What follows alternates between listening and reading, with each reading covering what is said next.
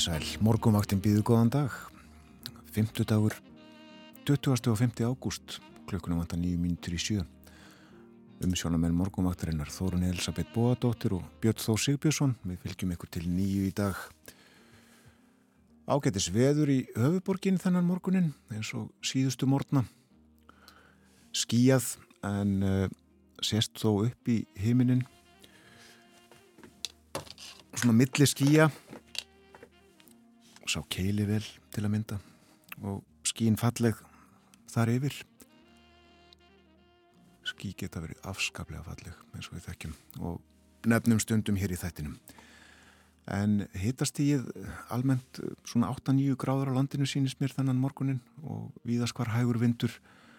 8 gráður í Reykjavík norðan 1 metri á sekundu skíð 8 steg að hitti á Kvanneri og 2 metrar nýju gráður í stikisólmi 6 metrar á sekundu þar norðan átt allskíjað nýju steg að hitti á Patrísfyrði og 8 gráður í Bólingavík 5 metrar þar norðaustan. Sveipa viður á Holmavík 8 steg að hitti 5 metrar. 8 gráður á Blönduósi og 4 metrar.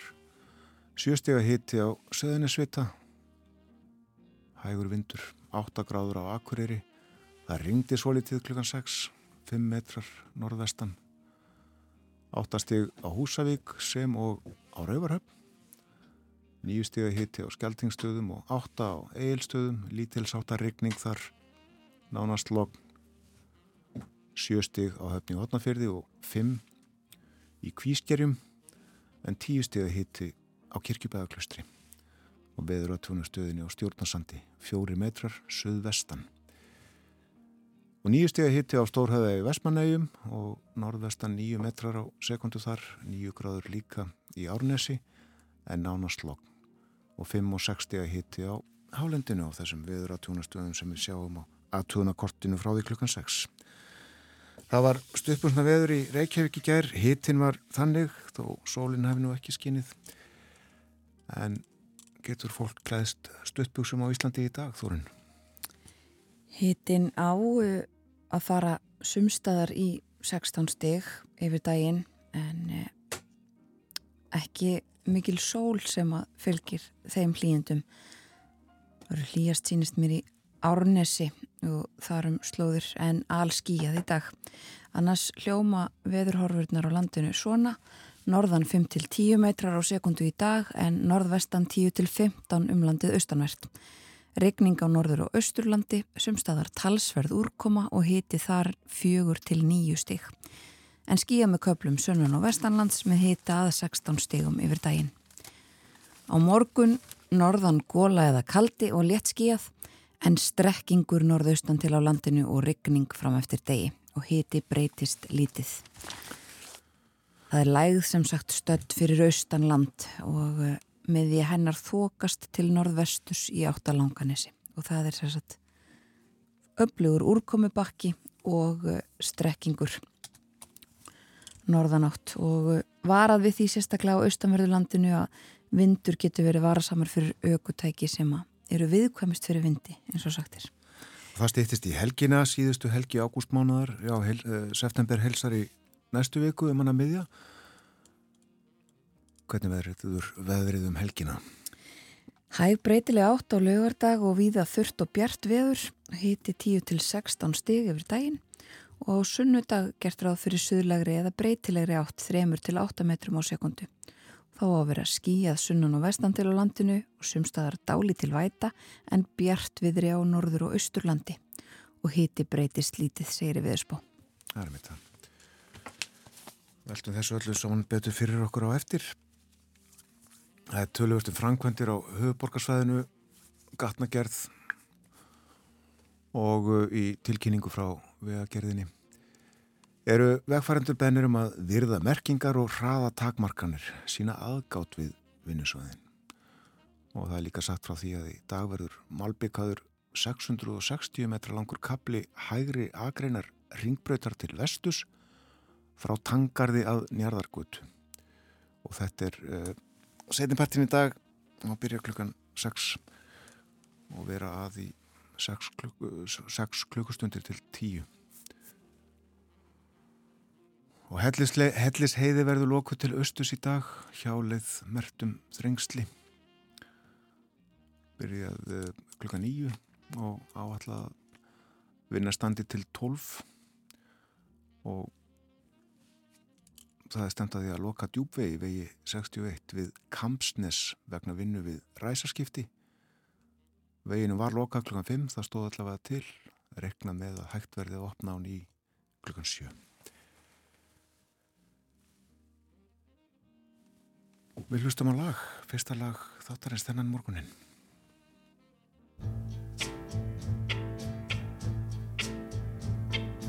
If you see me walking down the street and I start to cry each time we meet, walk on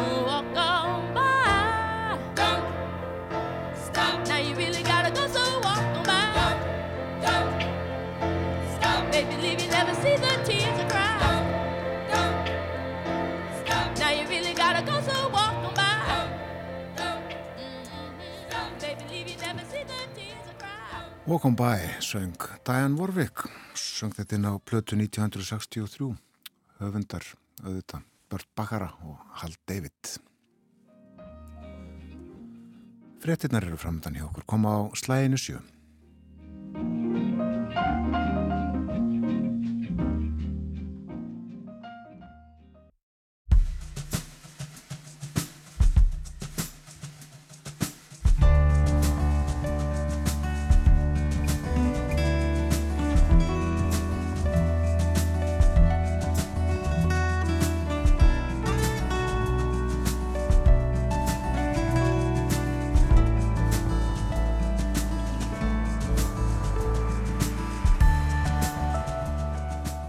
Morgonvaktin helsar og býður góðan dag. Það er 50 dagur og klukkan fjóra mínutur gengin í sjö. Umfjöllunum Erlend málefni verður fyrirferða með kili þættinum í dag. Stjórnmálasamband Íslands og Eistrasalts ríkjana, Íslands, Lettlands og Litáen verður í brennendepli. En á morgun fyrstu dag verður 31 ár liðið frá því að það komst á, á ný með undirritun yfirlýsingar í höfðaði Reykjavík. Í aðdraðanda þess hafðu ríkin þrjú sagt sig úr sambandi Sovjetríkja og Ísland viðurkjent sjálfstæðira fyrst ríkja í heiminum. Forsetar Eistrasaltsríkjana koma til Íslands í dag á samt mökum og sendinemdum og mikil dagskrá stendur fyrir dyrum. Í Íslands, Guðni T.H. Jóhannesson, kemur til okkar eftir hálftíma og ræður um Eistrasaltsríkin, söguna og samband okkar. Allt stefnir í spennandi kostningar í Svíþjóð eftir rúmar tvær vikur. Fylkingarnar tvær, svo rauða og svo bláa, mælast nánast nýfjafnar í skoðanakönnunum, en reyfing er á fylginu innan þeirra. Við ræðum stöðum ála í Svíþjóð þegar að bóji Ágústsson sest við heimsklukkan að loknum morgunfréttum klukkan átta og framhaldsskólar hófust flestir í vikunni. Það átti við mentaskólana laugavatni sem var settur í gerðmorgun. Þá var tekið á móti nýnemum og þeim síndni í húsakinni. ML er jú heimavistaskóli. Og þetta var fyrsta skólasetning skólamestarans Jónu Katrínar Hilmarsdóttur en hún kemur til okkar uppur klukkan hálf nýju og segir okkur frá starfinu, lífinu og tilverinu í sveitinni fögru. Umsjónamenn morgunvaktarinnar á rás 1 í dag eru Þórun Elisabeth Bóadóttir og Björn Þór Sigbjörnsson.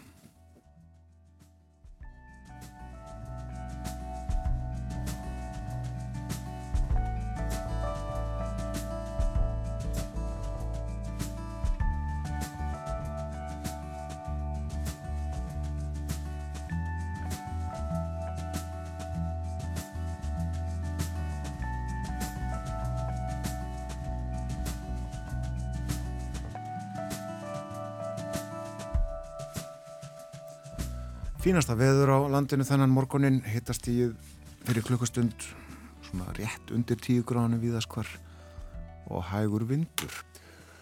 En horfurnar, hvernig eru þær? Jú, það verður norðanátt í dag 5-10 metrar en aðeins kvassara en landið austanvert vindræðin þar svona 15 metrum á sekundu. Og það mun rigna á norður og austurlandi og úrkoman verður sumstaðar talsverð en hittinn fjórar til nýju gráður og skýja með köplum sunnan á Vesturlands en hitinn þar að 16 stígum. Og morgun förstu dag verður norðan góla eða kaldi, létt skýjað, strekkingur norðaustan til og þar mun rigna fram eftir degi. Og hitinn á morgun svipaður og í dag. Við lítum að fórsýðu dagblæðina og uh, byrjum á frettablaðinu en uh, fórsýðu mynd þess tekið við Norrannahúsið í gær þar sem að þjóðatíðadegi Úkrænumanna var fagnað. Og segir hér tilfinningar voru vitaskuld blendnar rétt rúmlega hálft ár síðan rúsneskar hersveitir ruttust yfir landamærin og hernámi hlutalandsins en uh, skólahald kennsla á litlarhaunir efni fórsýðu fréttablasins Þannig er að eh, fjölbrytaskóli Suðurlands hefur hætti fjármögnun fjölbrytaskóla snæfellinga á námsráðgjafa á Kvíabryggju. Ég saði litlarhönn hér áðan að vera að tala um Kvíabryggju. Og uh, rætt hér við Guðmund Inga Þórótsson, formann afstöðu sem er félag fanga og fól sem er áhugað samt um fangilsismál og hann ræðir þessi námsmál, ítt og breytt, námfanga er korki fullni fiskur í dag. Það er sífælt skori meira og meira niður, segir hann.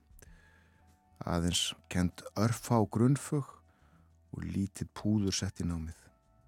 Það eru hindranir í vegi verknáms og fangar hafa ekki fengið að vera viðstættir útskrift, segir hér meðal annars. Og efnaðasmálinn til umfjöllunar á fórsíðu morgublasins, það er mikil þensla á vinnumarkaði um þessa myndir. Þetta hefur blæðið eftir Þórarningi Pétursinni aðal hagfræðingi Sælabankas og hann segir verulegar líkur á því að hagkerfið ofhittni. Vextir voru hækkaðir í gerð. Þenslan byrtist meðal annars uh, á vinnumarkaði með því að uh, hildar vinnustundum fjölgaði, eins og þeir eru mældar af hagstofunni, fjölgaði um uh, 9% á öðrum fjórðungi ársins frá sama tímabili í fyrra. Og lausum störfum fjölgar hratt, segir Þórarinn. Þau eru nú ríflega 12.000. Og 54% uh, fyrirtækja segja sig skorti starfsfólk. Það er næst hæsta gildi frá upphæfi mælinga og verulega yfir sögulegu meðaltali. En uh, á fórsíðu mynd morgunblaðsins má sjá unnar Alla Guðmundsson rýfa hjólíðsið sitt staðið hjólhúsabyggingunni hjólhísabyggingunni á laugavatni og uh, það á að afleggja hana.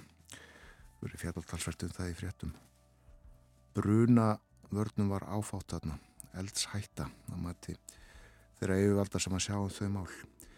Og þetta er þið vestamála mati eigenda hjólísana mjög ósáttir við þessa ákvörðun alltaf að saka sveitastjórn bláskóðabíðar um að hafa veitt falska von sem bytni á hilsu þeirra á fjárhag. Og bændablaði kemur út í dag og uh, þar segir ágættar uppskýru horfur fyrir útiræktað gremmiti úrkoman kom í hæfilegum skömmtum. Og hér er líka lífleg mynd á fórsíðunni á henni er Jón Eriksson hann hefur stunda búskap á búrfelli í miðfyrði frá 1982 og samhliða búskapnum þá hefur hann gefið sig málaralistinni á vald en uh, hann hefur verið með 30 kýr og 300 kindur Eftir að hann innréttaði gamla vélaskemmu sem vinnustofu hefur listina sprungið út til þess að forðast upplýsingaóriðu og áreiti hefur hann aldrei eignast farsíma og hann er búin að losa sig við bæði tölvuna og sjónvarpið. Það er ítalegt viðtal við Jón Bonda á búrfelli í blæðinu í dag. Og uh,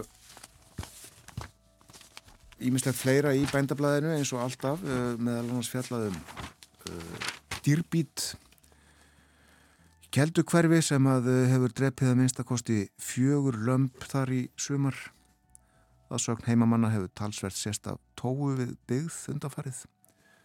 Og greinilegt að tóan er í ætisleit rætt við Ólaf Jónsson bónda á fjöllum eitt í keldu hverfi og uh, hann segir okkur virðið sem tóan sé farin að færa sig frá heiðinni og nær byggð og það sjást tófur á hverjum degi víða í sveitinni og það hefur óvart verið kyrt á þrjár.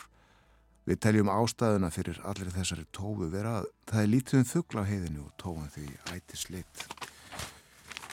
Og fleira, slátuleifishávar hafa nú allir gefið út uppfærðar verðskrár sínar fyrir söðfjárslátrun höstsins og landsmiðaltals hækkun á afverðaverði til söðfjórbænda fyrir dilka hækkar um 35% á milli ára og svona tölur hafa nú ekki sérstáður.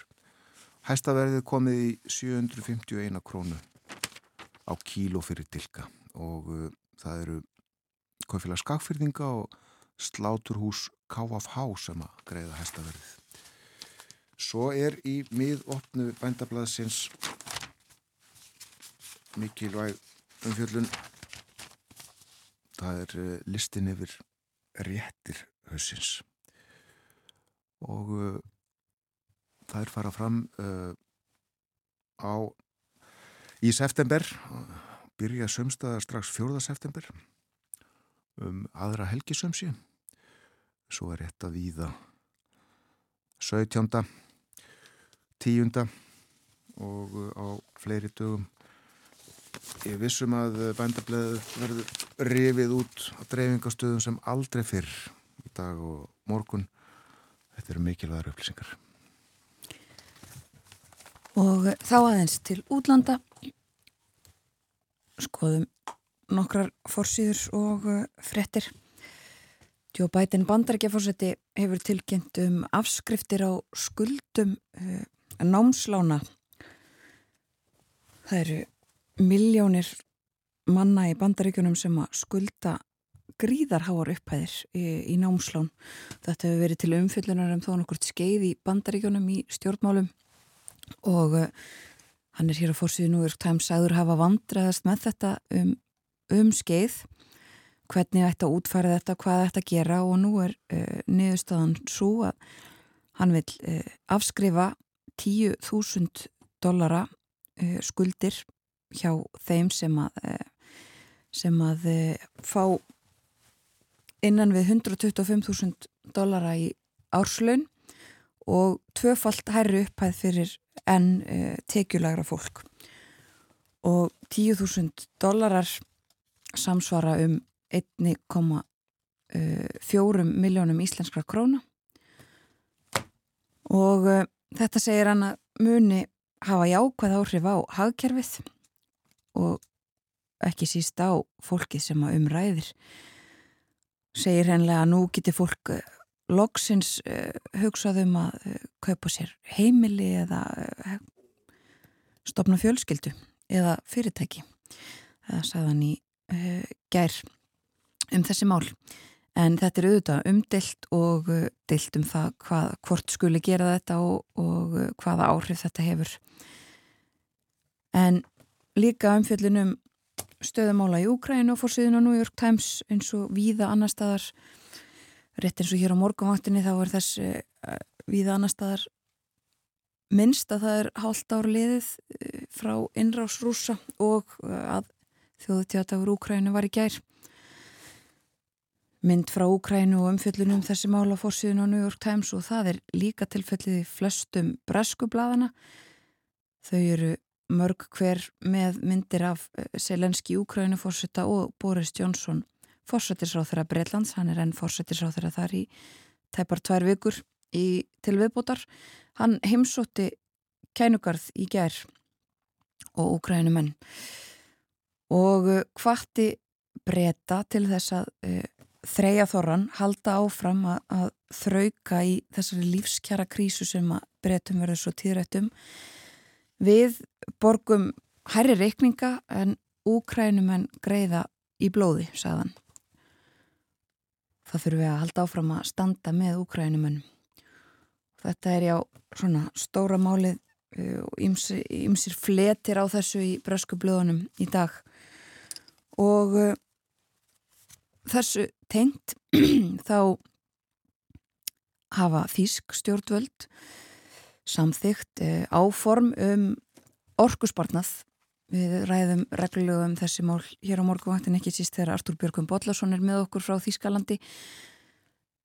Ríkistjórnin í Þískalandi hefur samþygt eh, áformum orkusbarnað í sem sagt ofinberum byggingum ekki síst. Það verður sem sagt eh, þannig að hitastíði verður lægra í ofinberum byggingum í Þískalandi í vetur. Það á að sem sagt eh, ekki endilega hita upp til dæmis andiri og uh, ganga. Og það verður ekki eh, ofinbæra byggingar fara ekki upp fyrir 19 gráður í Þískalandi í vetur nema spítalar og, og slíkar byggingar. Svo verður eh, ekki lýsing á ofinbærum minnismerkjum og byggingum. Og uh, það verður hægt að banna fyrirtækjum að hafa kveikt í verslunum sín, ljósinn kveikt á kvöldinu og nóttunni. Og ímislegt fleira í þessu það verður gæt, er hægt að banna fólki að hita sundlaugar og sagt, ólíu og kólaflutningar fá forgang yfir farþega í lestum í Þýskalandi. Sagt að þetta sé nú ekki þannig að nú sé hægt að slaka á og, og búið sér að bjarga málum en þetta á að spara þýskum almenningi peninga og sagt, spara orku. Þá að e, hjálpa til þó ekki nægi þetta. Og eitt í viðbútt sem að líka tengist þessu Emmanuel Macron, fraklandsfórsiti er e, á leið til allsýr í dag e, allar að reyna að lappa upp á samskipti ríkjana tveggja einmitt vegna þess að allsýr býr yfir ólí og gasi, ekki síst vegna þess. Eh, þar eru orkulindir sem hægt er að nota til þess að hjálpa Evrópu búum við eh, orku vandraðin og þurðina í vittur. Hann mætir með risastóra sendinemt 90 manns fórsetin í, í för með e, ráþeirum e, og e, fórstjórum fyrirtækja og svo segir líka að það verði með för íþróttamenn veit nú ekki hvers vegna það er. Segjum þetta gott úr dagblöðum dagsins en við sjáum í dagbóka þennan dag 24. ágúst árið 1822 fyrir 200 árum þá lést William nokkur Herschel og hver var það og hvers vegna nefnum við það? Jú, William Herschel sem var sjálfmentaður stjórnufræðingur uppgötaði tilvist reykistjórnunar Úranusar og það var aðfaranótt 13. mass 1781 og þá var sem sagt stjörnu bjart yfir Bath á Englandi þar sem hann bjó og hann beindi einu sinni sem oftar heima smíðaða sjónaukanum sínum til himins og rak augun í eitthvað sem hann vissi ekki hvað var. Og um Hersel og Úranus er fjallað á stjörnufræði vefnum sem Sævar Helgi Bragason rittstýrir og þar segir Úranus er nógu björn til að sjást með berum augum, rétt svo, en enginn virðist hafa tekið eftir henni reyka meðal stjarnana fyrir á tímum. Úrannus hafði í raun sérst mörgum sinni máður, en menn alltaf talið hana fastastjörnu. Og í fyrstu hjælt Hersel að hann sæi þókukenda stjörnu eða halastjörnu, þótt enginn væri halin, en frekar í skoðun og mat lærðura stjörnufræðinga letiði ljósað þarna var reykistjarnar, reykistjarnan sem að síðar fekk nafnið Úranus. Og allt var þetta reiknað og rannsakaði þaula og ekki var nómið að Úranus væri nú uppgöttaður, heldur leti þetta að uppgötun Neptunusar næstum hálri öll síðar en áðurinn Úranus fannst voru kunnar reykistjörnur 5, Merkur, Venus, Mars, Júpiter og Saturnus. Og í viðkenningaskinni fyrir uppgötunna hlotnaðist Hersels á heiður að nefna þessa nýfundnu reykistjörnu og ekki stóð á nafni Georgium Sítus skal hún heita, saði Hersel, stjarnar Georgs, eftir Georgi III sem að þá var konungur Englands. Kongurinn var velunari Hersels og jóg enn við fjarframlaugin til hans eftir að hafa fengið heila reykistjörnu nefnda eftir sér. En Adam var ekki lengi í paradís, nafni var á skjön við heiti annara reykistjarna til voru Júpiter og Saturnus. Þar voru nefndar eftir feðgunum úr grísku goðafræðinni og vísendarsamfélaginu þótti eðlilegt að ný uppgöttaða stjarnan bæri líka nafn úr þeim fræðum og varð Úranus fyrir valnu Hann var fadir Saturnusar og sjálfur himna Guðin. Og endingu smá stjörnu og eðlisfræði af stjörnufræði vefnum. Úranus er sjöunda reykistjarnan frá sólu og svo þriðja stæsta. Úranus er örlítið stærri að þvermáli að Neptunus en massin er ögn minni. Þessar tvær reykistjörnur eiga margt sameiginlegt og eru oft flokkaði sem vassrísarnir í sólkerfinu. Á meðan Júpiter og Saturnus eru hinnir eigin, eiginlegu gasrisar. Og þessu ræður fimpul kuldin ist í sólkerfinu. En sökum hans eru ymsar gastegundir í föstu eða á fljótandi formi. Og þvermál úrannusar er rúmlega 50.000 kílometrar og til samanbörðar er þvermál jarðarinnar rúmlega 12.000 kílometrar umferðar tími um sólu eru rúmlega 84 jarð ár og yfirborshittin á Uranus er í kringum mínus 220 gráður og Celsius. Fylgitunglin eru 27. Þórun, þú valdi lag til að leika eftir þetta. Já, við skulum hlusta á bítlana syngja Across the Universe.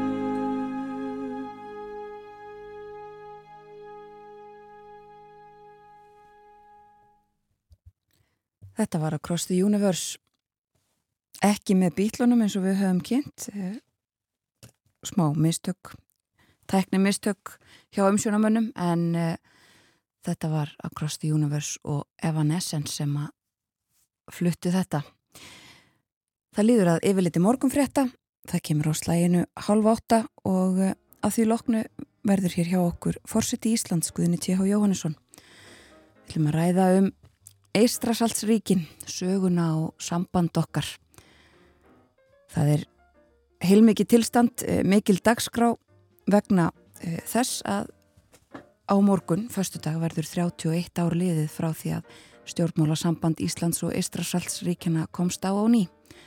Fórsetarríkjana á leið til Íslands koma í dag á samt mögum og sendinemdum. Við ræðum þetta við Guðna T.H. Jóhannesson eftir örfáar mínútur en hleypum fyrst að auglýsingum og yfirliti morgunfrétta.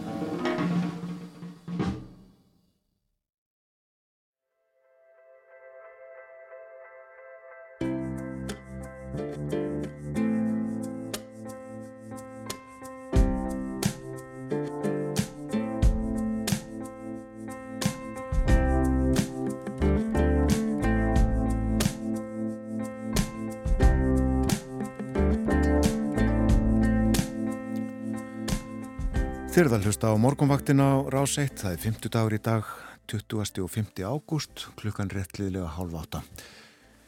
Þess veru minnst í Reykjavík í dag og á morgun að 31 ári er liðið frá því að Ísland og Ístrasalts ríkinn tóku upp stjórnmálasamband.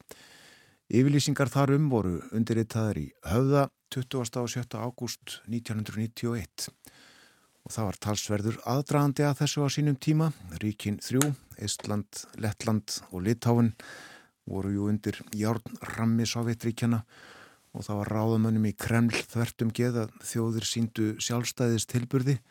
Þetta var nokkrum árum áður en Sovjetríkin leistust upp. Og íslensk stjórnvöld tóku fóristu á alþjóða vettvangi og viðurkendu fyrst allra sjálfstæði ríkjana Jón Baldvin Hannibalsson þá utanrikiðsráð þegar Íslands var í fylkingabrjósti og naut meðal annars áhuga á þekkingar bróður síns Arnús á sögu Eistrasaldsríkjana. Og já, þessara merku tímamóta verður nú minnst að stóð til að gera það í fyrra þegar 30 ár voru liðin en þá geysaði heimsfaraldur. Og síðar í dag koma til landsins forsetar Íslands, Lettlands og Litáins, utanrikiðsráð þeirrar þjóðana og borgarstjórar höfuborgarlandana. Dagskráin hefst í Alþingishúsinu sítiðis, snætt verður á bestastöðum í kvöld og á morgun verður hátíðasankoma í höfða og svo fyrirlestur og umræður í hátíðasal Háskóla Íslands. Fósitt í Íslands, Guðni T.H. Jóhannesson, velkomin á morgunvaktina. Takka þér fyrir og ykkur. Þú þekkir þessa sögu vel, sögu sjálfstæðis baráttu Eistrasalts ríkjana, uh, rannsakaðir þau mál þegar þú starfaðir sem sakfræðingur en er ekki rétt hjá mér, þú varst við námi í Englandi þegar þetta var? Jú, ég var við uh, námi sögu og stjórnmálafræði uh, á Englandi uh, þegar múrin fjall 89 og Sovjetríkin hófað liðast í sundur. Man vel eftir því að mitt að höstið 89 satt ég námskeið sem hétt á ennsku Comparative Communist System eða samanburðarfræði í sambandi við ríki þar sem uh, kommunist stjórnafar er, ef svo má segja.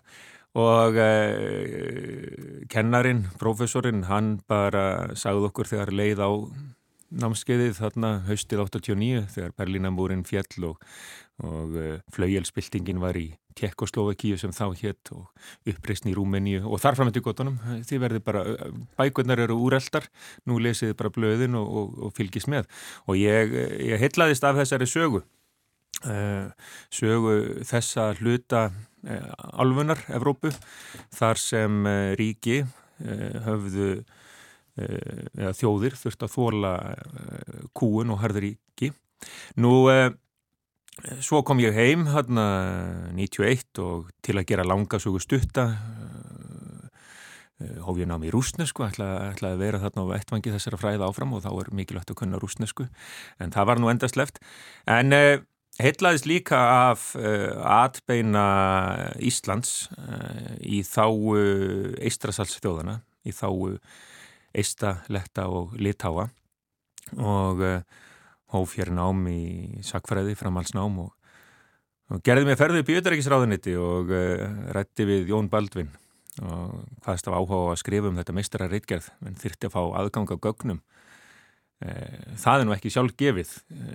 Það kvílir leind á gögnum þessu tægi, oftar en ekki 20, 30, 50 ári en Jón ítti því allu til liðar og við mismikla hrifningu ennbætismanna, ég held að mér sé óhætt að segja það núna, en uh, það uh, gerði mér kleift að skrifa þessa rítgerð og, og með því jafnframt að fara út og ræða við uh, sjálfstæðis hetjur í þessum löndum. Ég nefni bara af því að þeir eruðu svo merkir og eru svo merkir í sögunni Lennart Meri, fyrstu fórsett Íslands og Vítátas Landsbergis sjálfstæðishetja í Liðtáin sem lifir enn í Hári Elli, fadir Gabriel Landbergis sem er núna auðverkisráð þeirra og 17. júni 1994 þegar við Íslendingar eh, fögnuðum 50 ára líðveldisafmæli með pompa og praktir heima Þá var ég út í Vilnius og e, rætti þar við mann og annan, Landsbergis og fleiri. Prunski henni sem þá var forsættisir á þeirra en, en þessi saga er flókin í litáin líka. Það eru hetjur þar og það, líka, það er líka fólk þar sem hefur ekki notið þess eins vel að láta söguna leika um sig. Þannig að allt er þetta mjög flókið þegar náið er skoðað.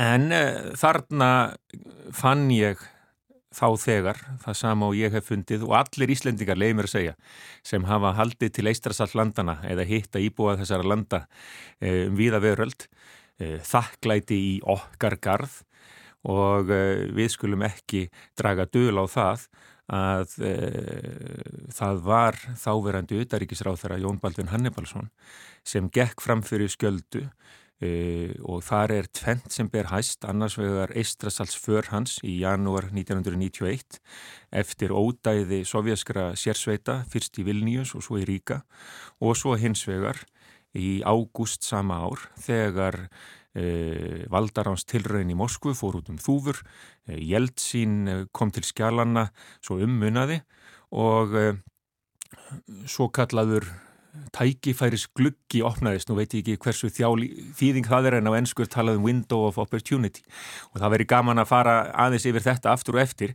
En ég hygg líka að við Íslendingar hefðum gott að því að líta aðeins um auksl og skoða sögu samskipta Íslands og Eistrastaslandana í lengra ljósi. Því að ef við eingöngu hömpum því sem fallega og vel var gert og horfum fram hjá hinnu, þá búum við til svona bautasteina sögu sem eh, við getum bara stuðst við ef við horfum bara í eina átt og ekki aðra. Ísland, Lettland, Litáen og, og, og Ísland hlutu fullveldi árið 1918. Það er um byl, þetta var, var erfiði tímar á þeirra slóðum en betri hjá okkur Þetta er sameiginlegur upphafskabli í sögu okkar, sögu þessara smáríkja í Evrópu. Svo leikur sagan og landafræðin okkur misvel. E, í grófustu dráttum má segja að 20. öldin hafi verið mikið framfara og velmegunar skeið fyrir okkur Íslandinga. Tala nú ekki um ef við berum örlög okkar saman við örlög íbúa Íslands, e, Lettlands og Litáins. Eh, Þingræði stóð höllum fótum í þessum löndum og var fyrir bí eh, við upphaf eh, setni heimstyrjaldar og svo skullu hörmungarnar nú heldur betur yfir.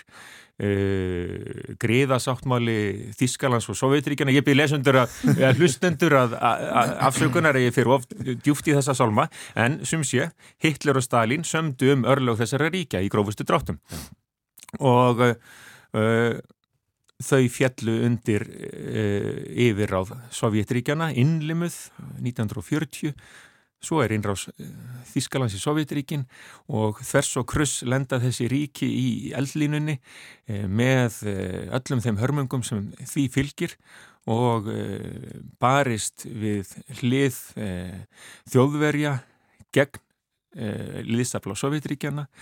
Stríðinu líkur hvað gerist vesturveldin eh, segja sem svo til þess að eh, hafa einhvers konar eh, framhald á samstarfi við Sovjetríkin verðum við að horfa fram hjá því að þessi þrjú ríki hafa glatað frelsísun og sjálfstæði. Svo verður bara að vera Við Íslendingar á kaldastrís árunum njótum mjög viðskipta við Sovjetríkin eftir löndunubann breyta í Þorskastríðunum og örfandið ekki, við ætlum ekki að fara í þásólma núna, eh, en það er sem sagt merkur málsins að við vildum eiga gott viðskiptasambandi Sovjetríkin og gengum ansið langt íslenski ráðamenn í því að sætt okkur við yfirráð Sovjetríkjana eh, í Eistrasalslöndunum. Hérðan fóru ofinberar þingmannanemdir til höfuðborga sovjetlýðveldana. Það var ekki algjört einstæmi en þó fátítt á Vesturlöndum að slíkt er því gert. Við höfðum um skeið sendiherra í Moskvu sem sagði klárt og kvitt að hér væri bara um það að ræða að þessi ríki væri hluti í Sovjetiríkjana og um það þurfti ekkert að tala. En svo breytast hlutir e, Eistra. Mikael Gorbatsjóf kemst til valda 1985, umbóta sinni, glasnost og perestrojka er orð sem voru mikið e, uppi fyrstu ár hans valdatíðar og 1989 taka Eistrasals þjóðurnar höndum saman í bókstaflegri merkingu. Ágúst 89 taka höndum saman frá uh, söður landamærum Litáens yfir allandið, yfir Lettland, yfir Eistland að finskaflóa og sína þannig í verki að draumar um sjálfstæði lifa enn og fyrir þessu sjálfstæði verður barist. Þetta var ótfýrætt merki þess að þegar fólk var að horfa á framtíð nýrar Evrópu e, eftir umbótastefnu Gorbatsjófs og, og endal og kaldastrýsins gæti ekki farið svo að þessi þrjú ríki e, hlítu ekki fullt sjálfstæði. Þessu er fylst með hér heima á Íslandi. E, Litáar voru alltaf skrefinu framar en e, e nágrannar þeirra eistar og lettar með fullir virðingu verið þeim. Þetta er flókinn saga, það voru öðruvísi, öðruvísi dýnamík þar kannski, fleiri íbúar af rúsneskubergi brotnir, ekki kannski alveg eins mikil samstæðu um hvaða leiðir að fara, en letáar lýsi verið sjálfstæði í mars 1990 og alþengi Íslandinga stiður það fullkomlega. Það er kannski eitt fyrsta skrefið í þessari sögu allir og svo Eh, heldur sjálfstæðisbart að fara áfram eh, sovjetmenn setja viðskiptabanna á Litáen eh, og sýrtir í álinn undir lok 1990 utaríkisráður á Sovjetríkjana Sivart Natse segir af sér segir að Harlín Öflin séu að taka völdin sem virðist komast, koma á daginn í Vilnius 13. janúar 1991 Eh, Sovjaskar sérsveitir eh, ráðast þá við, til allögu við almenning við sjónvasturnin í, í Vilnius. E, eh, 13 manns falla strax í valin. Vítátas landsbergis, sjálfstæðis hetja litáa, leiðtói Sajútis, sjálfstæðis reyfingar þeirra, sendir ákall til Íbúa Vesturlöndum gegnum sitt fólk og kemur skilabóðum til Jóns Baldvins sem hafði talað máli Eistrasaslandan á alþjóðavettvangi svo eftir var tekið. Jón, ef það hefur meint eitthvað, komdu þá. Já, það var kannski hægara sagt en gert því að Litáen var enn að alþjóða rétti þeim sem við svona, já, nei, það er of einfald að segja það, en, en til þess að komast í Litáens, við skulum orða það þannig já. til þess að komast í Litáens þurftur vegabæris áritun frá hverjum? Frá sendir á því Sovjetiríkjana við Karastræti og gerum við það? Uh, Uffe Ellemann Jensen góðvinur uh, Jóns fjandvinur á sumuleiti uh, mikill stuðnismadur Ístarsalsþjóðuna leit svo á að það gengi ekki. Þú ferði ekki í sendra á Sovjetiríkjana til þess að fara til Litáns og segja að þú stýðir sjálfstæðis bara til þeirra. Þannig að hann fór ekki. En var samt einarðu stuðnismadur þeirra en Jón fór og fór til Vilnius fór til Ríka fór til Tallinn og þessi síðferðislegi stuðningur var ómetanlegur um leið Eh, sagði utaríkisráð þeirra við munum taka upp stjórnmála samband um leið og tækifæri gefst. Í februar eh, áréttaði alþingi Íslendinga að sjálfstæðis viðurkenning eh, frá því á þriði áratvíi síðust aldar væri fullu gildi, litáður kunni það vel um þetta, en fóru svo að spyrja, ok, hvenar kemur stjórnmálasambandið. Við erum tilbúinir með sendiráð handi ykkur hér í Vilnius og þá vaknar svo spurning hvort hægt er að taka upp stjórnmálasamband við ríki sem ekki hefur stjórn á eigin landamærum. Eh, það gengur í hita leiksins að ráþerra sækjum vegabriðs áritun en hvernig afhendur sendi að trúnaðabrið til dæmis. Þannig að hér vöknuðu floknar diplomatiska spurningar og eh, því er ekki að neyta að litáar töldu að þetta skref mætti nú fara að stíga. Og svo til að gera langasögu stutta brestur á með Valdarás tilraun í Moskvu 19. ágúst 1991 Gorbatsjóf í stofufangelsi á suður við Svartahaf Harlínu menn ætla að taka völdin berja niður allt, alla líðræðistróun í gamlu Sovjeturíkjónum verður ekki kápun úr því klæðinu Boris Jeltsin stýgur upp á skrittrega við Þingús sitt Þingús Rúslands eh, minn ég nú söguna rétt. Og eh, leðtóra Eistrasalsiríkjana segja sem svo nú er lag.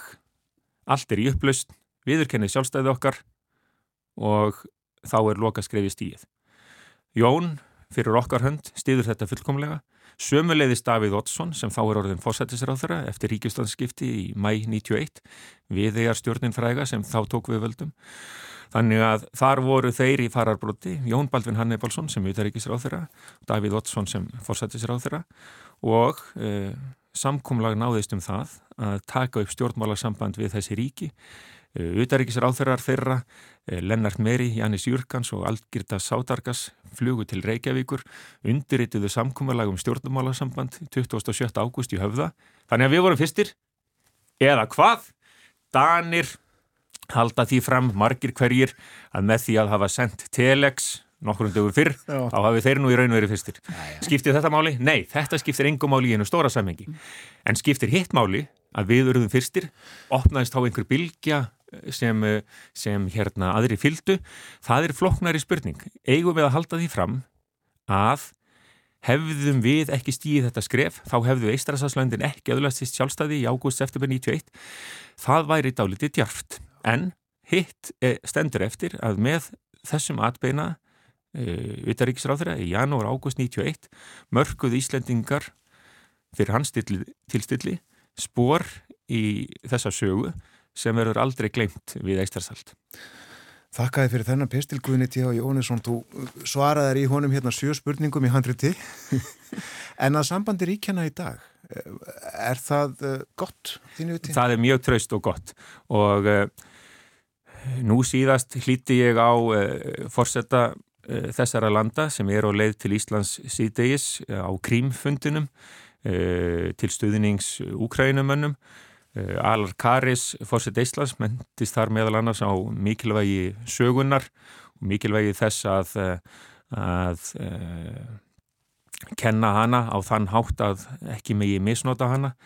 Þannig að hann kemur hingað og verður veltekið Gítarnas Náseta, fórseti Litáens kemur sömulegis og Egil's Levits frá Lettlandi og svo utaríkisráðurar þessara landa og, og Makar fórseta og allt þeirra föruneyti. Eh, Eistar, lettar og litáar kunna líka vel að meta einarðan stuðning Íslands við aðildar umsókn þeirra að allansasbandalægin á sínum tíma. Mm -hmm. Það er þeirra megin vörn eh, núna á þessum óvissu og ógnar tímum og mætti segja sem svo að staða þeirra væri önnur og verri e, án þess að í að sé að því að innrás væri yfirbúandi, ég myndi nú ekki ganga svo langt, en staða þeirra væri mun önnur og verri ef þessi þrjúland hefði ekki hlotið aðild að allarsasbandalæginu og segir okkur að e, þannig skref e, eru réttmæti ljósi sögunar e, aðild ríkja að allarsasbandalæginu eftir upplöst Sovjetiríkjana, minnst kosti í þessu tilfelli.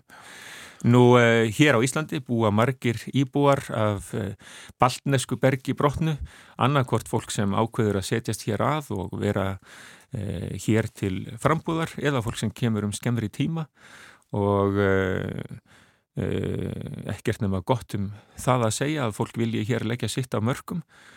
Nú á viðskiptasviðinu hafa Íslendingar látið að sér hveða við Eistrasalt að sjálfsögðu alls ekki í sama mæli og önnuríkja á Norðurlöndum en, en þó, þó gætir þess.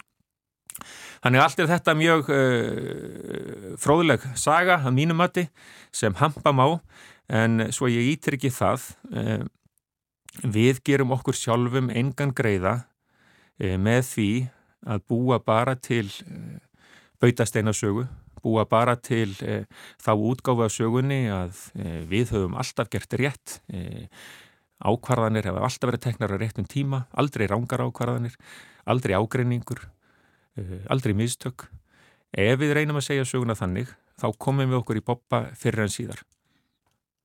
Á það ekki við mig líka? Jú, það hefði nú verið betra að Jón okkar Baldvin Hannibalsson hefði setið uh, þessa hátíða samkomu í tilefni þessara viðburða og hefði verið betra hefði hann fengið bóð á þann viðburð uh, ögn fyrr. Ábyrðin lendir alltaf á mér.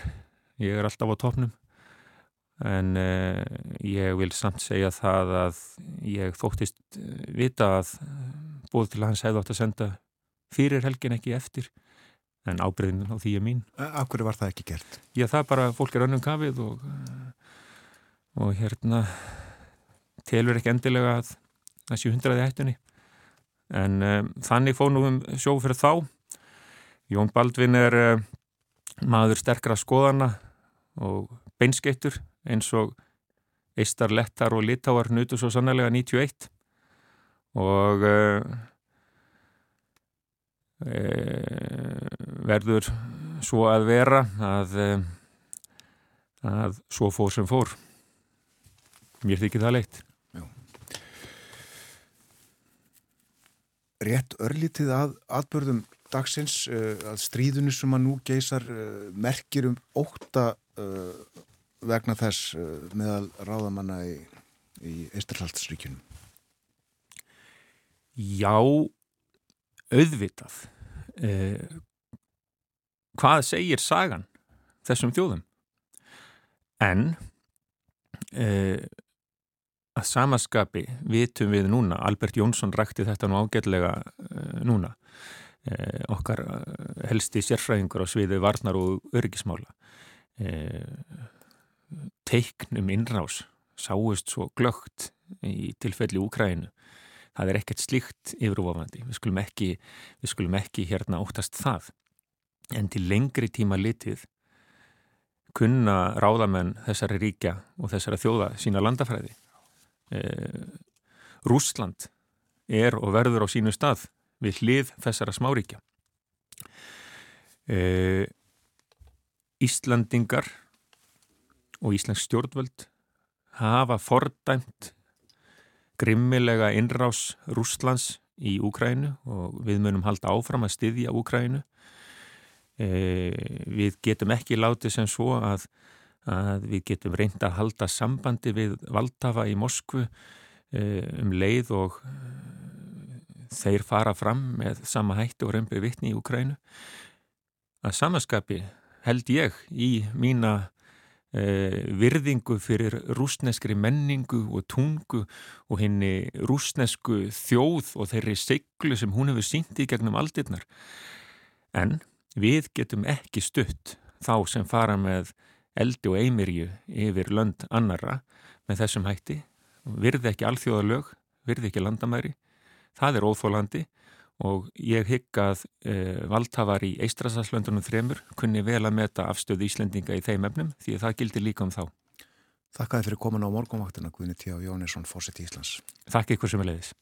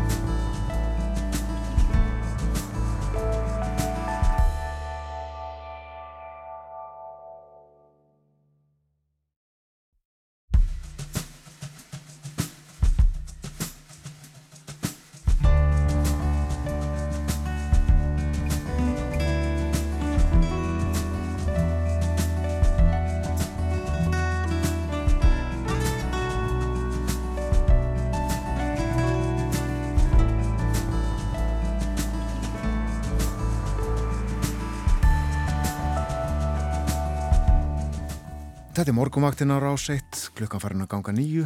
Það er 50 dagur í dag, 20. og 50. ágúst. Guðni T.H. Jóhannesson, fórsett í Íslands, var gestur okkar áðan. Við töluðum um sjálfstæðis baráttu og sögu Eistrasalsríkjana en 30 ára stjórnmálasambandi Íslands og Íslands, Lettlands og Litáen er fagnað og minnst í Reykjavík í dag og morgun það er endar 31 ár síðan að því sambandi var komið á og stóð til að fagna þessu í fyrra en þá var jú kornuveru faraldurinn í fullum gangi og þurfti að fresta þessu. Heilmikil dagskrá í dag eins og við fórum yfir hér áðan. Og uh, Guðni fór yfir þessa löngu og merkilugu sögu. Í stuttumáli svona í tilliti til sögunar allrar en uh, lungumáli með að við stutt út að sviðtal kom víða við talaðum ímislegt Þokkalegt veður á Íslandi í dag hittin að 16 stegum þar sem hlýjast verður uh, regninga svolítið kvast fyrir uh, norðan og sumstaðar fyrir austan.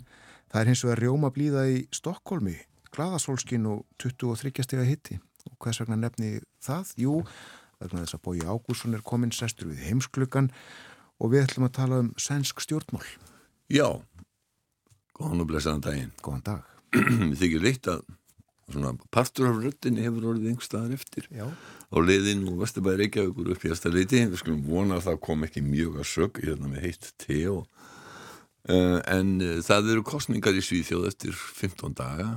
Uh, það er 11. september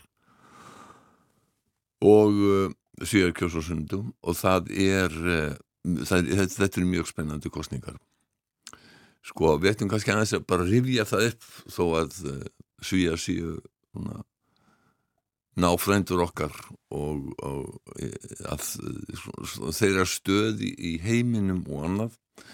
Það er sko svíjar eru langt fjölmennasta Norrlandaþjóðin, þeir eru um 10 miljónir þegar að Danir, Finnar og Normenn eru eitthvað á 70 miljón og svo er smáríkið Ísland með taflega 400.000 og svíjar hafa alltaf verið ákveðið fórusturíki í norrænu samstarfi og í alþjóð, á alþjóða vettvangi þegar það var lengi gert, eh, gert sér gildandi þar.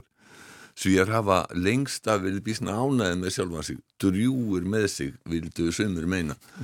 Uh, og þeir hafa haft fulla ástæðu til þess að vera bísna ánaðið vegna þess að uh, svona í allir tölfræði sem að notuðu til þess að, mæla samfélög Eh, meðalæfi lengt eh, svo eitt sé nefnt og eh, tekju hvað fólk hefur mikla tekjur þá eru þá hafa svíjar lengst af verið meðan allar efstu þjóða og raunar gildi það um öll Norðurlöndin. Um, en um, svo hafa hlutir svona aðeins farið að breytast og sænst þjóðfélag hefur breyst dálítið á undanföldnum árum það múið svo sem segja að það kannski að partur af því er að það hefur gríðarlega mikill fjöldi útlendinga flust til Svíþjóðar og sestar að og það er uh, mjög umdeilt og er kannski hryggjast ekki í sænskri pólitík og kostningabaráttunni núna. Uh, Sósialdemokrater í efnaðamenn fóru lengst af með völdin uh, eiginlega alveg frá því að það komst þingra eða á í Svíþjóð á, á, á öndverðri 20. öldinni og það er ekki fyrir ný einhvern kringu 1980 sem að, sem að borgarflokkarnir, hæriflokkarnir koma að stað það er aldrei merkilegt að sko það tekur hver uh, sósjaldemokratin við af öðrum sem, sem fósættisáþra í mínu minni var Tagi Erlandir og svo kemur Olof Palme og, og eftir að Olof Palme var myrtur þá var Yngvar Karlsson. Og þetta er, er allt saman hérna voru allt saman bísna áberandi stjórnmálamenn og ekki síst Olof Palme sem gerði sér gildand á alþjóða vettvangi og fóð mjög í tögarnar á bandaríkjónum eh, ekki síst á tíman Vietnamstrísins mm. og svíjar á þessum tíma uh, gerði mikið úr því að þeir væru stæðu utan bandalaga og uh, ekki bara þeir væri ekki í NATO eins og, eins og grannar þeirra Danir og svíjar og Íslandingar heldur einnig að þetta svona sem að þeir kalla alliansfríhet að, að þeir væru sannarlega hlutlaus þjóð og uh, vildu svona léku ákveði hlutverk á allþjóða vettvangi sem, sem, sem slík þjóð. Og þeir voru lengi í fórustu í þróunasamvinnu uh, aðstóð við þróunaríki og verði ennþá um, um, háum upp að þeirra mála. Þannig að þeir mörguðu sér svona ákveðina, á, ákveðina stöðu á að vettvangi og töldu sig hafa ákveðina svona síðferðislega stöðu og betri heldur en, heldur en e, stórveldin tvö sem að voru að takast á á þessum tíma, Sovjetrikin og, og, og Bandaríkin. E, stríði Vietnam var, var fyrrna óvinnselt í Svíþjóðu og kom til mikill að mótmæla þar og, og margir þeirra sem að Uh, hlupust undan merkjum í bandaríkjanum þar að segja að vildi ekki ganga í herin eða uh, þeir, þeir margir fór til Kanada en það fóru líka fjölmargir til Svíðfjóðar uh, bandaríkjumenn þannig að það var ímsum í bandaríkjanum var svona daldi í, í, í, í nöpp við á Já. Já, en svo segir sko, svo, svo, svo er að verða, verða þessa breytingar í Svíðfjóð Já. Nú náttúrulega verður algjör bylting með innrásinni í Úkrænu, innrás á Rúslands í Úkrænu þá er fyrir bí þessi ég getum við sagt 200 ára stefna þeirra þegar það er rúmlega 200 ára sem hefur ríkt fyrir yður á Norðurlandum og, og svíjar hafi ekki verið í stríði við, við aðra þjóðir að eh, nú fara þeir í það að, og það er og stefna sem að nýtur mikil stuðnings meðal almennings að sækja um NATO-aðild. Og ég unn ekkert hana heldur en uh, tyrkir sem að geta komið vekk fyrir það og, og ég held að flestir hafi nú fulla trú á því að endan var þá gangi bæði finnar og svíjar inn í, inn í, inn í bandalægin. Akkurat. Eh, er þetta mikið til umræðu í kostningabaratunni? Nei, þetta er ekki mjög mikið til umræðu vegna þess að þetta er í raunin ekkit politísk deilumál lengur. Svíjar er bara búin að ákveða það, þeir er búin að sætta sig við það að þessi stefna þeirra sem að var hortsteytnin í utaningistefninni, hún hefur breyst og þetta er eitt af mörgu sem hefur breyst í, í Svíþjóð. Eh, annað er líka þessi afstæða svíja Eh, að eh, vera bísna ánæðið með sjálfa sig og telja að séu fremstir með allra ríkja hún er ekki jafn áberandi núna og það að lengi vel að þá sráðu svíjar í konunum að þeir teltu að morgundagurinn er betri heldur en gerðdagurinn. Svo er ekki lengur. Þeir hafa ekki sömu trú á framtíðinni og þeir, þeir viljast að hafa uh, haft uh, og annað er að með, með uh, þessi mikla innflutningi fólks til Svíþjóðar þá, þá hefur vaksið fylgi Svíþjóðademokratana sem er stjórnmálflokkur sem á uppruna sinn í nínasískum hreiningum, við skulum ekki bara tölum um það bara beint út. Og en, og þeir voru lengi eða alla þessa öll taldir óvalandi og óferjandi í, í sænskum stjórnmálum en svo er ekki lengur. Nei, einmitt, það er eina af breytingunum líka eh, það er ekki langt síðan að þeim var svona, já, getur við ekki bara sagt leiftin úr kuldanum eiginlega? Jú, það, það er ekki fyrir nú þessu kjörtímabili sem að uh, það er farið að orða það að þeir séu hæfir til beitnar þáttöku í stjórnmálum mm. og það er að segja mótið rátana sem er hægri flokkurinn í Svíþjóð og, uh, og liberalina og kristilegir demokrater uh, þeir eða kristilegi flokkurinn já, hann, þeir, þeir fara að taka upp þann möguleika að Svíþjóðdemokrater verði allavega stuðningsflokkur næstu ríkistjóðan það er nefnilega þannig að eftir að Svíþjóðdemokratandi komið til að þá hafa þessar blokki sem hafa verið til hægri og vinstri þær hafa riðlast af því að Svíþjóðdemokratanir hafa komið þarna inn. Þannig að það hefur í rauninni ekki verið möguleiki að mynda meiri hlutastjórn á þingi uh, vegna þeirra. Þannig til dæmis er ríkistjórnir sem situr nú uh, ríkistjórn Magdalena Andersson og þar á undan Stefans Löfven. Þetta er minni hlutastjórn og uh, sem hefur notið stuðningsflokkana til vinstri og sömuleiðis uh, flokka á, á miðju, þetta er oflókið til þess að fara út í núna. En En hvernig er þá staðan núna? Ég minnist þess að hafa séð einhverja frettir af því að mitt að Svíþjóðademokraterni séu bara í hæstu hæðum? Já, sko það eru eiginlega byrtar á hverjum degi eh, nýjar kannanir og svo allra nýjasta sem ég sá eh, hjá eh, Söðris Television í morgun hún er þannig að Svíþjóðdemokraterna eru næstæsti flokkurinn.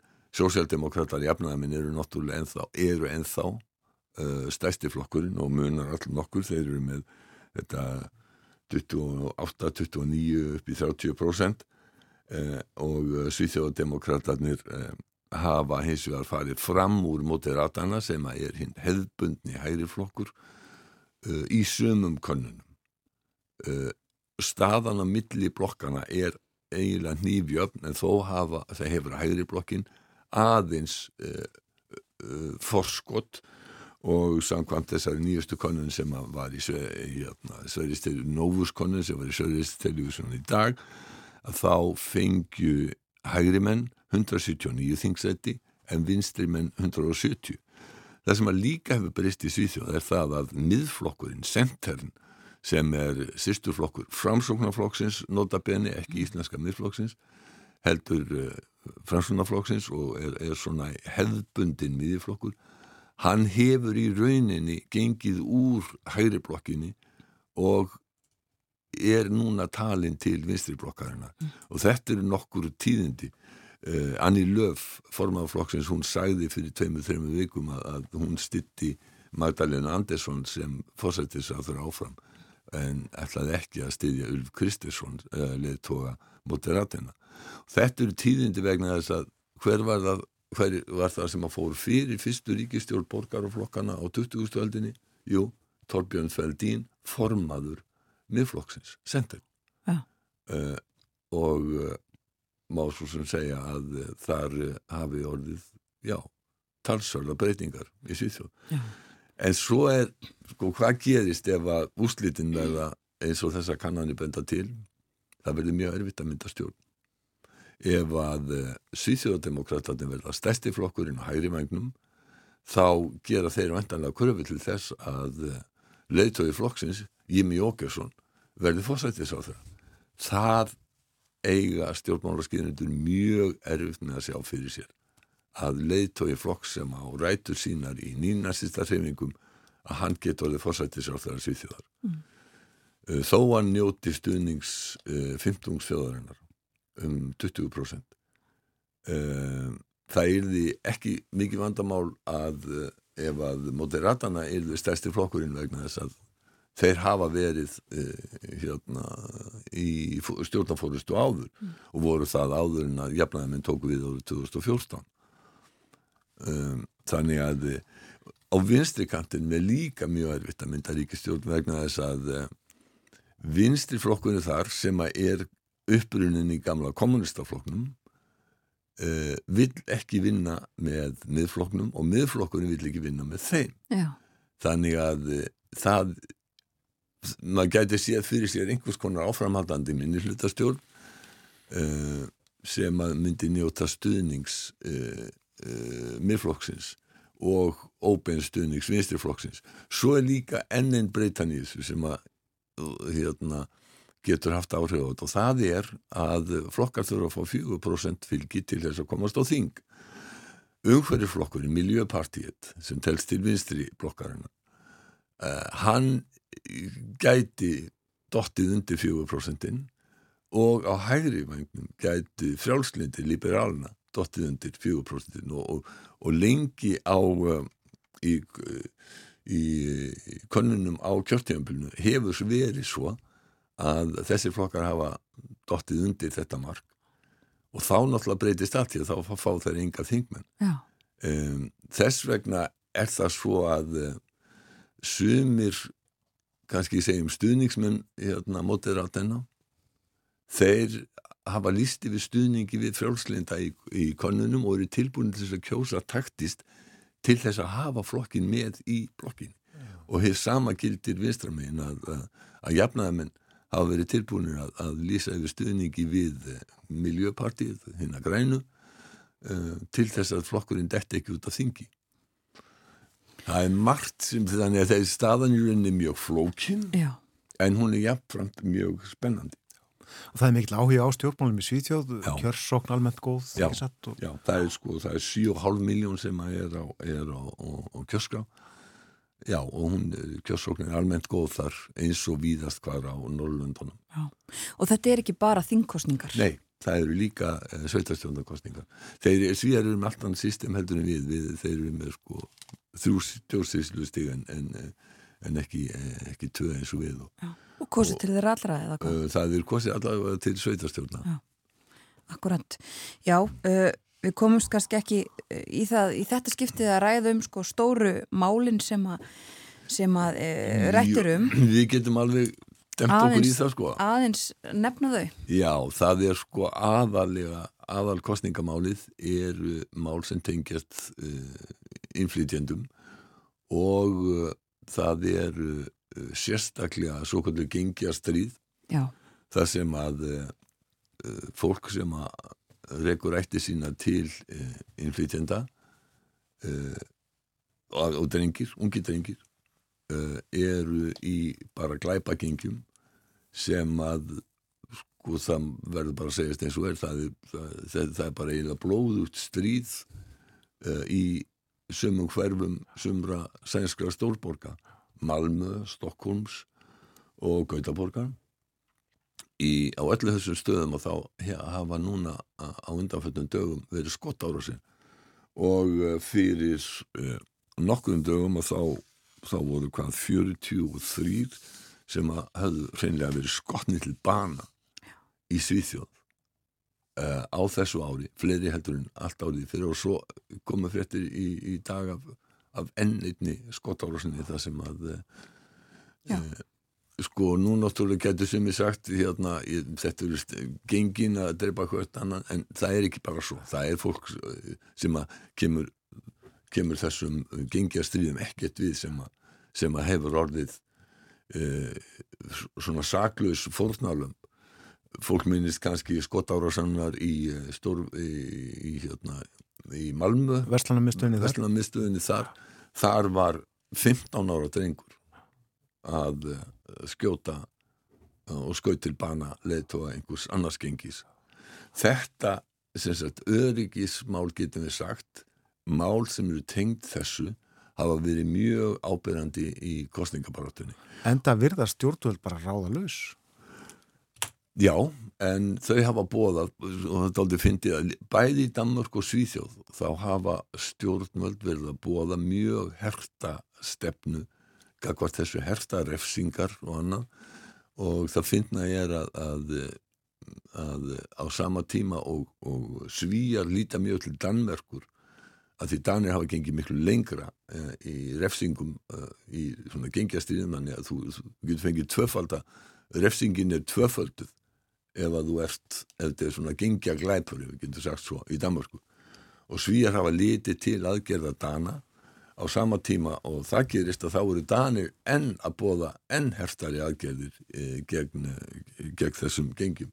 Þetta er mjög umtala, eins er verðbólgan og e, því að það er e, spáð núna að e, það sé samdráttur framöndan í sænsku efnahagslífi. Þetta er e, verðbólga sem sem að stafar að sjálfsögða stríðunni í Úkræna að miklu leiti og hefur valdið til dæmis gríðarleiri hækkun á, á öllu orguverði uh, og þetta kemur við hvert einasta heimili í Svíþjóð. Það eru daprari tímar framöndan og jafnvel uh, aðalhagfræðingu Svetbank spáði því í gæri að það yrði, það yrði samdrottur, hann kæmi við alla og það yrði jafnframt aukið atvinnuleysi. Mm. Þannig að uh, framtíðin er ekki eins björn. Það sem að hins vegar vinnur með getum við sagt um núverandi stjórnvöldum er það að almenningur hefur miklu meiri tiltrú á Magdalena Andersson sem fórsættisráður heldur en Ulf Kristersson uh, að ekki talað um Jimmy Jókasson ja. Þannig að þetta gæti skipt miklu en eins og staðin akkurat í augnablíkinu að þá hefur hægri blokkin nöyma fórustu þetta verður mjög spennandi Og við ætlum að ræða þetta aftur að vikuleginni Já, sennilega nefnum eitthvað annað stort komið upp á. Akkurat. Takk fyrir í dag, Bói Ákusson.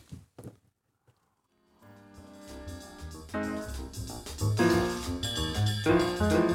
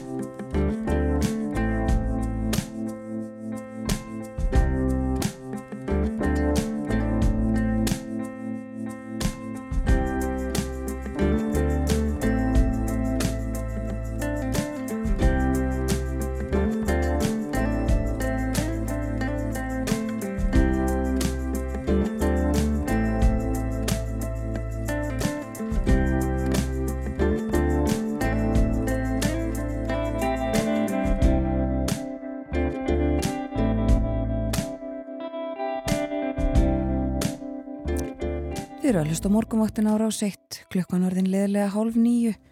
Það er 50 dagur í dag, komin 20. og 5. ágúst. Og hér fyrir frettæfi litið þá eh, réttum við við Boga Ágússon, hann settist við heimsklukkan. Það voru sænsk stjórnmál eh, sem voru á dagskroni. Kosið í Svíþjóð eftir eh, rúmur tvær vikur, 11. september og afskaplega spennandi kostningar framöndan með að við kannanir í dag að minnstakosti og undafarið. Og hér fyrir morgun var Guðinni T.H. Jóhannesson fórsett Íslands gestur okkar á morgunvaktinni og rættum sjálfstæði Ístrasaltsríkjana þátt Íslands í því og uh, samskipti ríkjana í dag.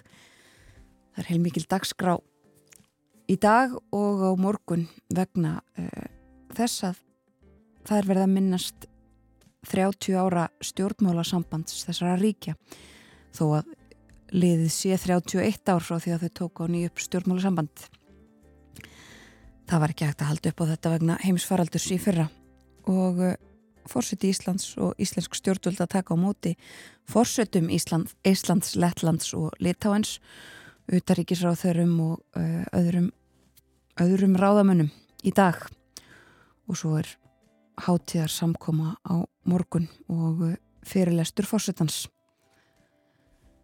En uh, það er langt liðið á ágúst og uh, í loka ágúst uh, þá hefjast skólanir við hefum rætt undarfarið við rættum við skólastjóra grunnskólans á Suðureyri, við höfum talað við rektor háskólans á Hólum og nú ætlum við að beina sjónum okkar að mentaskóla Í gerð morgun komu nefnendur í mentaskólanum að laugavatni saman á ný þegar að skólinn var settur.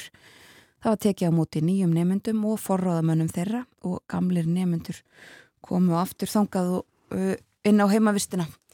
Þetta var fyrsta skólasetning Jónu Katrínar Hilmarsdóttur skólamistara og hún er komin inga til okkar velkomin á morgunvaktina. Takk fyrir. Er þetta ekki hátíðlegt að setja skólan? Það er það, það er mjög hátíðlegt og ég fann svolítið svona fyrir forverum mínum, þeir voru þarna með mér ég, það eru margar gamlar hefðir sem fylgja svona gömlum skóla Já. við erum að verða sjötug í apríl á næsta ári en við hérna, leggjum mikið upp úr einmitt móttöku nýnema og byrjum í rauninni vikun á mánudagin á því að taka móti nýnemum formlega með fóröldrum og forráðamönnum þar sem þau fá tækifæri til þess að labba aðeins um húsakinni skólans Já. uh, og vera í hátegismátt og fá aðeins að kynnast svona umhverfinu því að svo skilja fóröldrar náttúrulega nefndurna bara eftir Já. og það er svo mikilvægt að þau hafi tilfinningu fyrir því hvað umhverfi krakkarnir verða. Akkurat, hvernig þau búa. Hvernig þau búa, Já. já, og, og með hvaða fólki þau eru að fara að dvelja. Já, eh, að því skólinn er, hann er alfara heimavæstaskóli eða hvað? Já, hann er alfari heimavistaskóli. Það eru, það eru einstaka nefandi sem býr þá í þorpinu, því býr á laugarvatni, Já.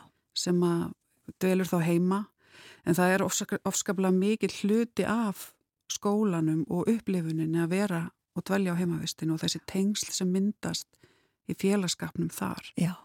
og við hérna sko ég náttúrulega sem svona glögt gessauga því ég er ekki emmellingur sjálf að þá sé ég svo vel þegar maður hittir fólk sem hefur útskrifast úr skólanum fyrir áratugum síðan að það heldur en þá tengslum við sína gamlu bekkjafélaga og, og er and til skólan síns og and til stað, hugsa hlíti staðarins Já.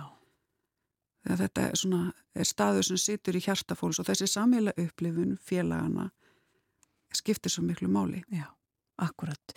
Og það verður önnur stemning þegar að e, fólk lærir saman og býr saman. Ver öllum stundum saman nánast. Já, sannlega. Og þau uh, læra náttúrulega að þekkja hvert annað en ekki síður bara sig sjálf. Og læra, þau læra þarna bara frekar ung hvernig það er að búa með öðru fólki, taka tillit til, uh, standa á eigin fótum hvað margt varðar. Þó svo að þjónustu stíð sé ansi hátt hjá okkur að við hérna, hugsaum um náttúrulega uh, mat og drikk og húsnaði Já. og alla þvotta. Það er alls í góð þjónusta Já, í þvottahúsinu hjá okkur. einmitt. Þannig að þau fá þvottin hérna, reynan og saman brotin.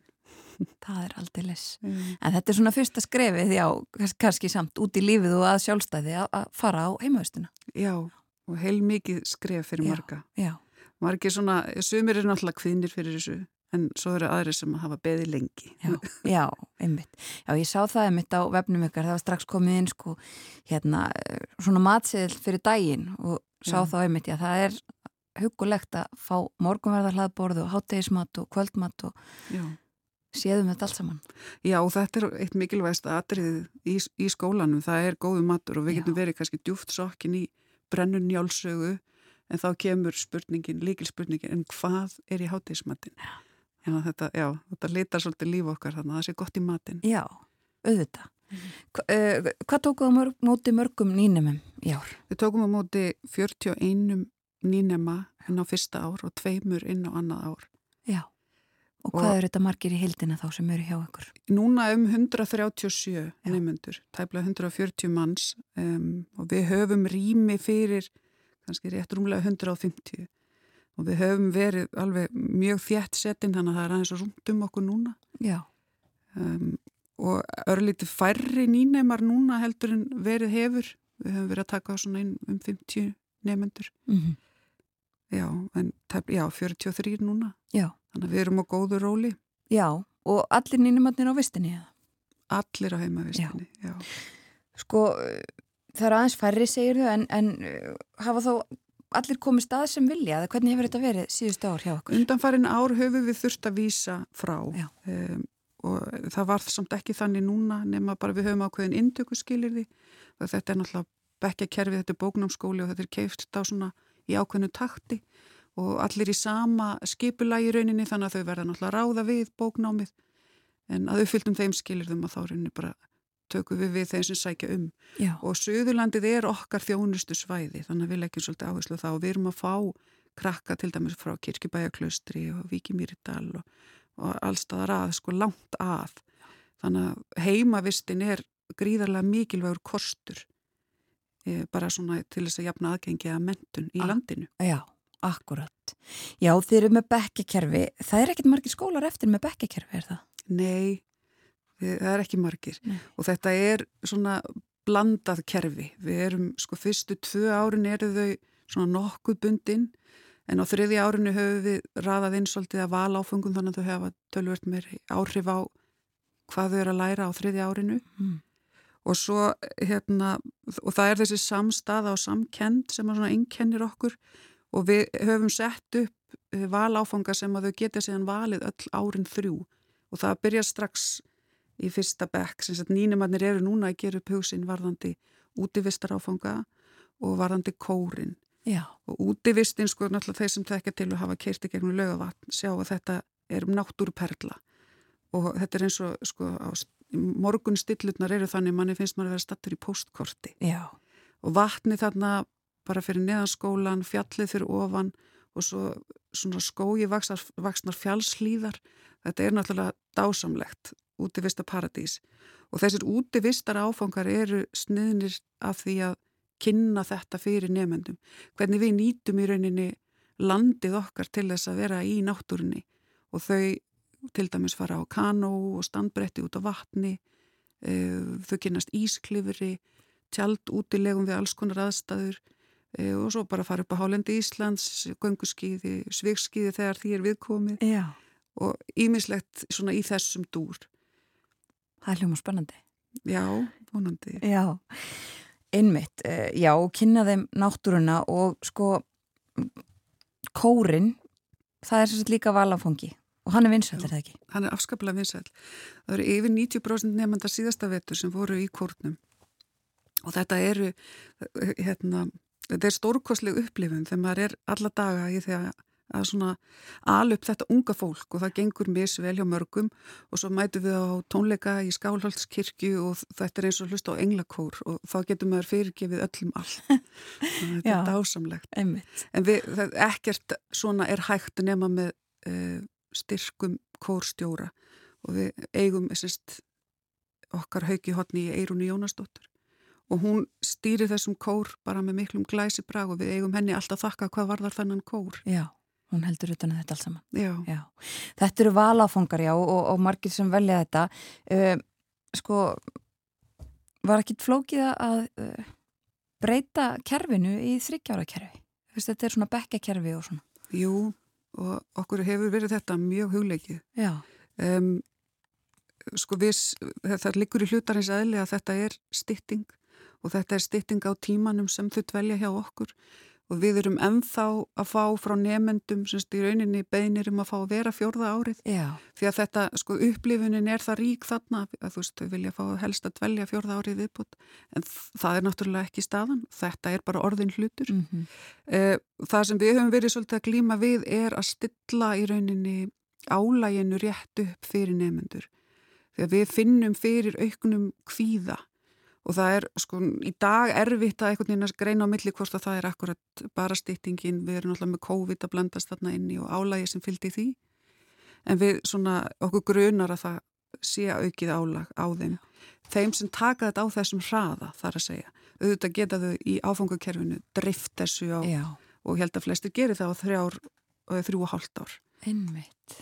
Þannig að þetta, já, en við finnum alveg fyrir þessu og við gerðum breytingu á ektarskipa núna í haust eh, til þess að takast á við þetta eða svona gera tilrönd til þess. Mm. Við vorum með sko eh, það sem við kallum vinnustundir, það sem þau höfðu svolítið frjálsan tíma til þess að, læra. Eh, við tókum það út til þess að halda þjættar utanum þau. Ekki til þess að þau þurfa að afplána meira, heldur frekar til þess að svona, við getum haldið þjættar utanum þau, ekki síður til þess að mæta því að við erum að fá núna nýnema inn sem voru nýjunda og tíundu bekk í COVID ástandi. Akkurat. Þannig að við skinnjum það allavega síðasta vetur að við þurfum að styðja vel við nefnendur. Já, og svona fylgja þeim eftir kannski með þjættari hættin við höfum gert hinga til og já, og ætlum að leggja áherslu á það í vetur. Já, hvernig gerðu þið þetta? Bara, hvernig var þetta í COVID? Voru nefndur sendir heim eða voru þau á heimavistinni í svona þeirra mestu takmarkanirnar voru? Þetta var algjör sko rússi bana reið Já. Og hérna við vorum sem sagt í því að senda þau heim til skiptis. Við fengum þau í hús eh, að hluta til, þetta eru 150 nefnendur, við fengum kannski einn árgang þá inn í einu. Þau móttu vera í viku eða tvær og svo kom annar inn, annar bekkur. Eh, og svo var þetta í rauninni surrealist ástanda því að við stiltum upp með metes millibili og það voru mikla pælingar erum við, er við að tala um sko nefi nef eða öxl í öxl og þú veist hvaða fermetrafjölda höfum við og svo framvegis. Eh, gæta þess að þau gengjum með grímurnar eh, að þau lærðu að handspritta að þau lærðu að sóttrensa snertifleti og alls konar svona hlutir. Það sem svona fóririnni verst í þau fannst okkur var þessi óvissa síðan að við vissum ekki, sko ég hef kannski sagt já, svo reiknum við með að þið fáið að koma í desember, svo var því fresta fram í janúar alls konar svona hlutir og það var einmitt þessi óvissa sem, að, sem var okkur svolítið erfið og það er náttúrulega með ólíkindum hvað við höfum sko sterkan kennarahóp og ég sé það mér segja það bara um örgulega alla framhalskóla landsins að við fengum bara þannan bolta í hendurnar og á öllni helgi fundum við bara löstnir og hljöpum á stað með þetta. Já. Þannig að þetta sko í rauninni tókst alveg ótrúlega vel miða við aðstæðuna sem við vorum í. Mm -hmm. En nefnitt eins og þú segir sko upplifunin vantarlega verið allt öðru vísi hjá þeim krökkum sem að um, upplifu þessi tvö ári mitt. Það er ekki alveg að sama heimavistin eða, eða bara neitt auðvitað í lífinu ekki frekar en hjá neinum í framhaldsskólum en kannski enþá meira þarna á, á heimavist og allt sem því fylgir. Já, og, Þetta, og þetta var erfitt sko, af því að það, þessi tími kemur ekki tilbaka mm. og eins og krakkarnir sem við útskuðum núna í vor sem hefðu í rauninni bara eina svona ósnartna önn í rauninni eh, urðu bara verst úti, þetta er bara flókið og, og maður svona sirgir þetta svolítið með þeim. Já. En svo erum við núna að taka við náttúrulega öllum bara á ný og við erum með þriðjabekk og þriðjabekkur sér ofsalega mikið um semst útskriftanemannir að fylgja eftir þessum hefðum sem enkenna skólastarfið. Þannig að við höfum svolítið svona eh, eða ætlum okkur að vinna þjætt með þeim af því að, sko, af því að það gleimist svo fljótt allt gleimist hratt í svona mentaskólum vegna þess að þau eru þarna bara í þrjú ár. Og þau muna ekki það sem við gömlu brínin munum að því við erum þarna í ára tugi mm -hmm. útskrifumst aldrei að hérna, við ætlum svona að við að bæði að hlúa gömlum hefðum en líka kannski að skapa nýjar í liðinni sem að svona, mm, fanga þennan ML anda. Já, einmitt, eh, ML andin, það er góður andi þannig að ekki. Jú, það er það.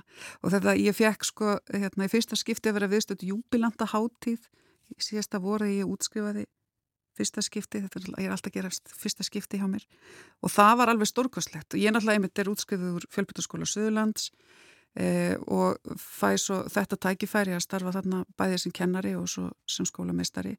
Og þetta er bara eh, veröld sem að eh, er í rauninni alveg svo ofsalega mikil gjöf að fá að vera hluti af þessu samfélagi, finnum aður mm.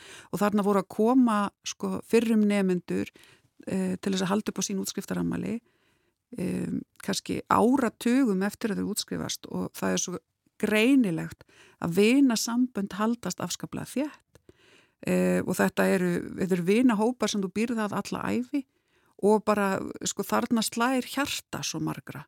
Þetta er í rauninni alveg með ólíkind og mikil, mikil heiður að fá að vera þarna með og fá að upplifa þetta. Já. Og það er svolítið þetta sem við viljum, sko, í rauninni þessu viljum við viðhalda. Að þetta sé að þetta sterkar samfélag samlega náttúrulega góðum undirbúningi fyrir frekara nám uh, sem er í fyrsta sæti. Já. Þú nefndir það áðan þið ætlið að taka enn þéttar utanum hópin ykkar í vetur. Eh, þið hafið samt haldið nokkuð þétt utanum eh, hópan ykkar þegar það hefur verið lítið brottfall og, og gengið vel að halda nefnendum við efnið. Já. Já, og við höfum verið að skoða svona farin veg og fyrir, sko, ég segja kannski 15 árum síðan, 15-20 árum síðan, að e, þá voru kannski, ef það byrjuði 60 manns á fyrsta ári, þá voru cirka 30 skilir sér til útskriftar, að þetta er afskaplega breyttur veruleiki að við erum að útskrifa nánast alla sem innrítast sem nýnemar. Eh, einn og einn sem eh, finnur sér kannski í einhverjum öðrum skólum en heilt á litið erum við að halda afskaplega vel utan og þetta reyndar hefur e, námskrafbreytingin líka örgla skilað ykkur þarna mm. Að við höldum þetta rautanum þau og, og, og þetta, þessi þrjú ári eru ansi pökkuð sko. Já. Þannig að við þurfum að fylgjast vel með þeim og fylgja þeim vel eftir. Og ég sá það einhverstaðar að þið ætlið að leifa þeim að sofa hans lengur í veitur. Já, tilrunaverkefni og við erum ansi hóvær. Við, við sagt, senguðum okkur um kortir og okkar framsýnasta fólk í kennarliðinu vildi nú tala um sko að byrja klukka nýju þannig að við, hérna, við erum ekkert að geysast af stað. En rannsóknir sína að þetta skilir góðum árangri að svona að senka því að byrja daginn. Og sérstaklega kannski hérna á norður kveli jarðar þar sem við eigum stundum erfitt með að, að horfast í augu við náttmirkri þegar við förum að fætur klukkan sjö. Mm -hmm. um, en þetta er alveg vel þessi virðið að reyna það. Og við ætlum að leggja sagt, áherslu á þetta í skólastarfinu í allan vetur. uh, bæði mikilvægi þess að sofa vel og sko kannski leggja áherslu á það við úlingarna sérstaklega sem verðast sofa frekar illa, sofa of lítið uh, að þau sofi vel og ekki síður að þau borði góðan morgumann og í mötunitinu þá leggjum við mikla áherslu á að það sé gott úrval og það er í rauninni hlaðborð alla mótna þar niðri þannig að ætlum, það verður svona áruvekni ártak í vetur til Já. þess að vekja aðtekli þeirra og okkar á þessu. Akkurat. Já, uh, vakaðu lengi á heimavistinni, er ekkit lengur neitt svona uh, partistand og svoleiðis. Nei, þetta eru mjög breyttir tímar. Já, og það er ró á að vera ró að vistinni eftir klukkan 11 á kvöldin. Og við erum með hérna, starfsmenn sem að fylgja því eftir fram, eins og lengi fram eftir og þarf að allir séu komnir í, í ró. En svo eru það, sko, það, það sem er breytt er einmitt að þau eru meira bara í einrúmi kannski að spila á, í tölvónum já, eða horfa á eitthvað eða einmitt. hafa gaman að því af allt annan hátt sko. Já. en partistandi já það er við myndum segja að það væri liðin tíð þó að sé alveg við kunnum alveg að slett úr klaufunum þegar það á við Já, einmitt Já. það. Já, það er forvittnilegt og gaman að uh, líta inn í þennan heim mentaskólans að lögavatni. Jóna Katrín, uh, þú baðst um óskalag. já, mikið uppáhaldslag hérna ég lærði að þekka þetta lag fyrsta skiptið einmitt á gömlum nemyndum mínum og sendi bara hugheilar kveðjur til allra emmerlinga nærfjær Já, vonum að það komist til skila til sem flestra. Kæra þakki fyrir að koma til okkar á morgunvaktina. Takk fyrir að bjóða mér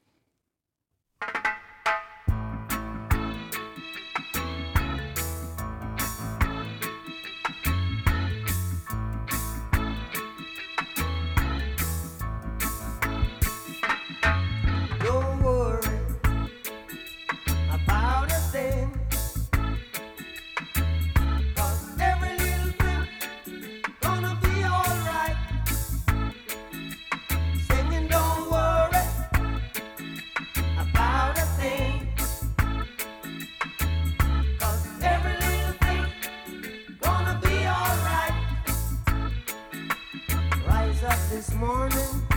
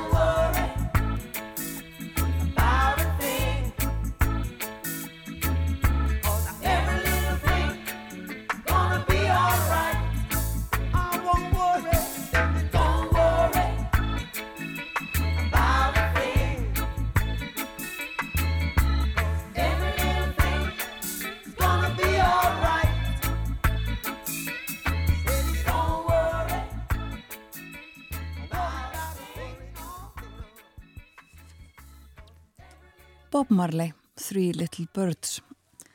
Þetta var óskalag. Jóna Katrín Hilmarsdóttir, skólamestara mentaskólans að lögavakni sem var gestur okkar hér. Í síðasta hlutu þáttarins uh, valdi það. Og sendi með því kveðju til krakkana í ML. Já, og, uh, og fyrri nefnda sunna. Hún saði okkur frá lífinu og tilverunu uh, á lögavatni.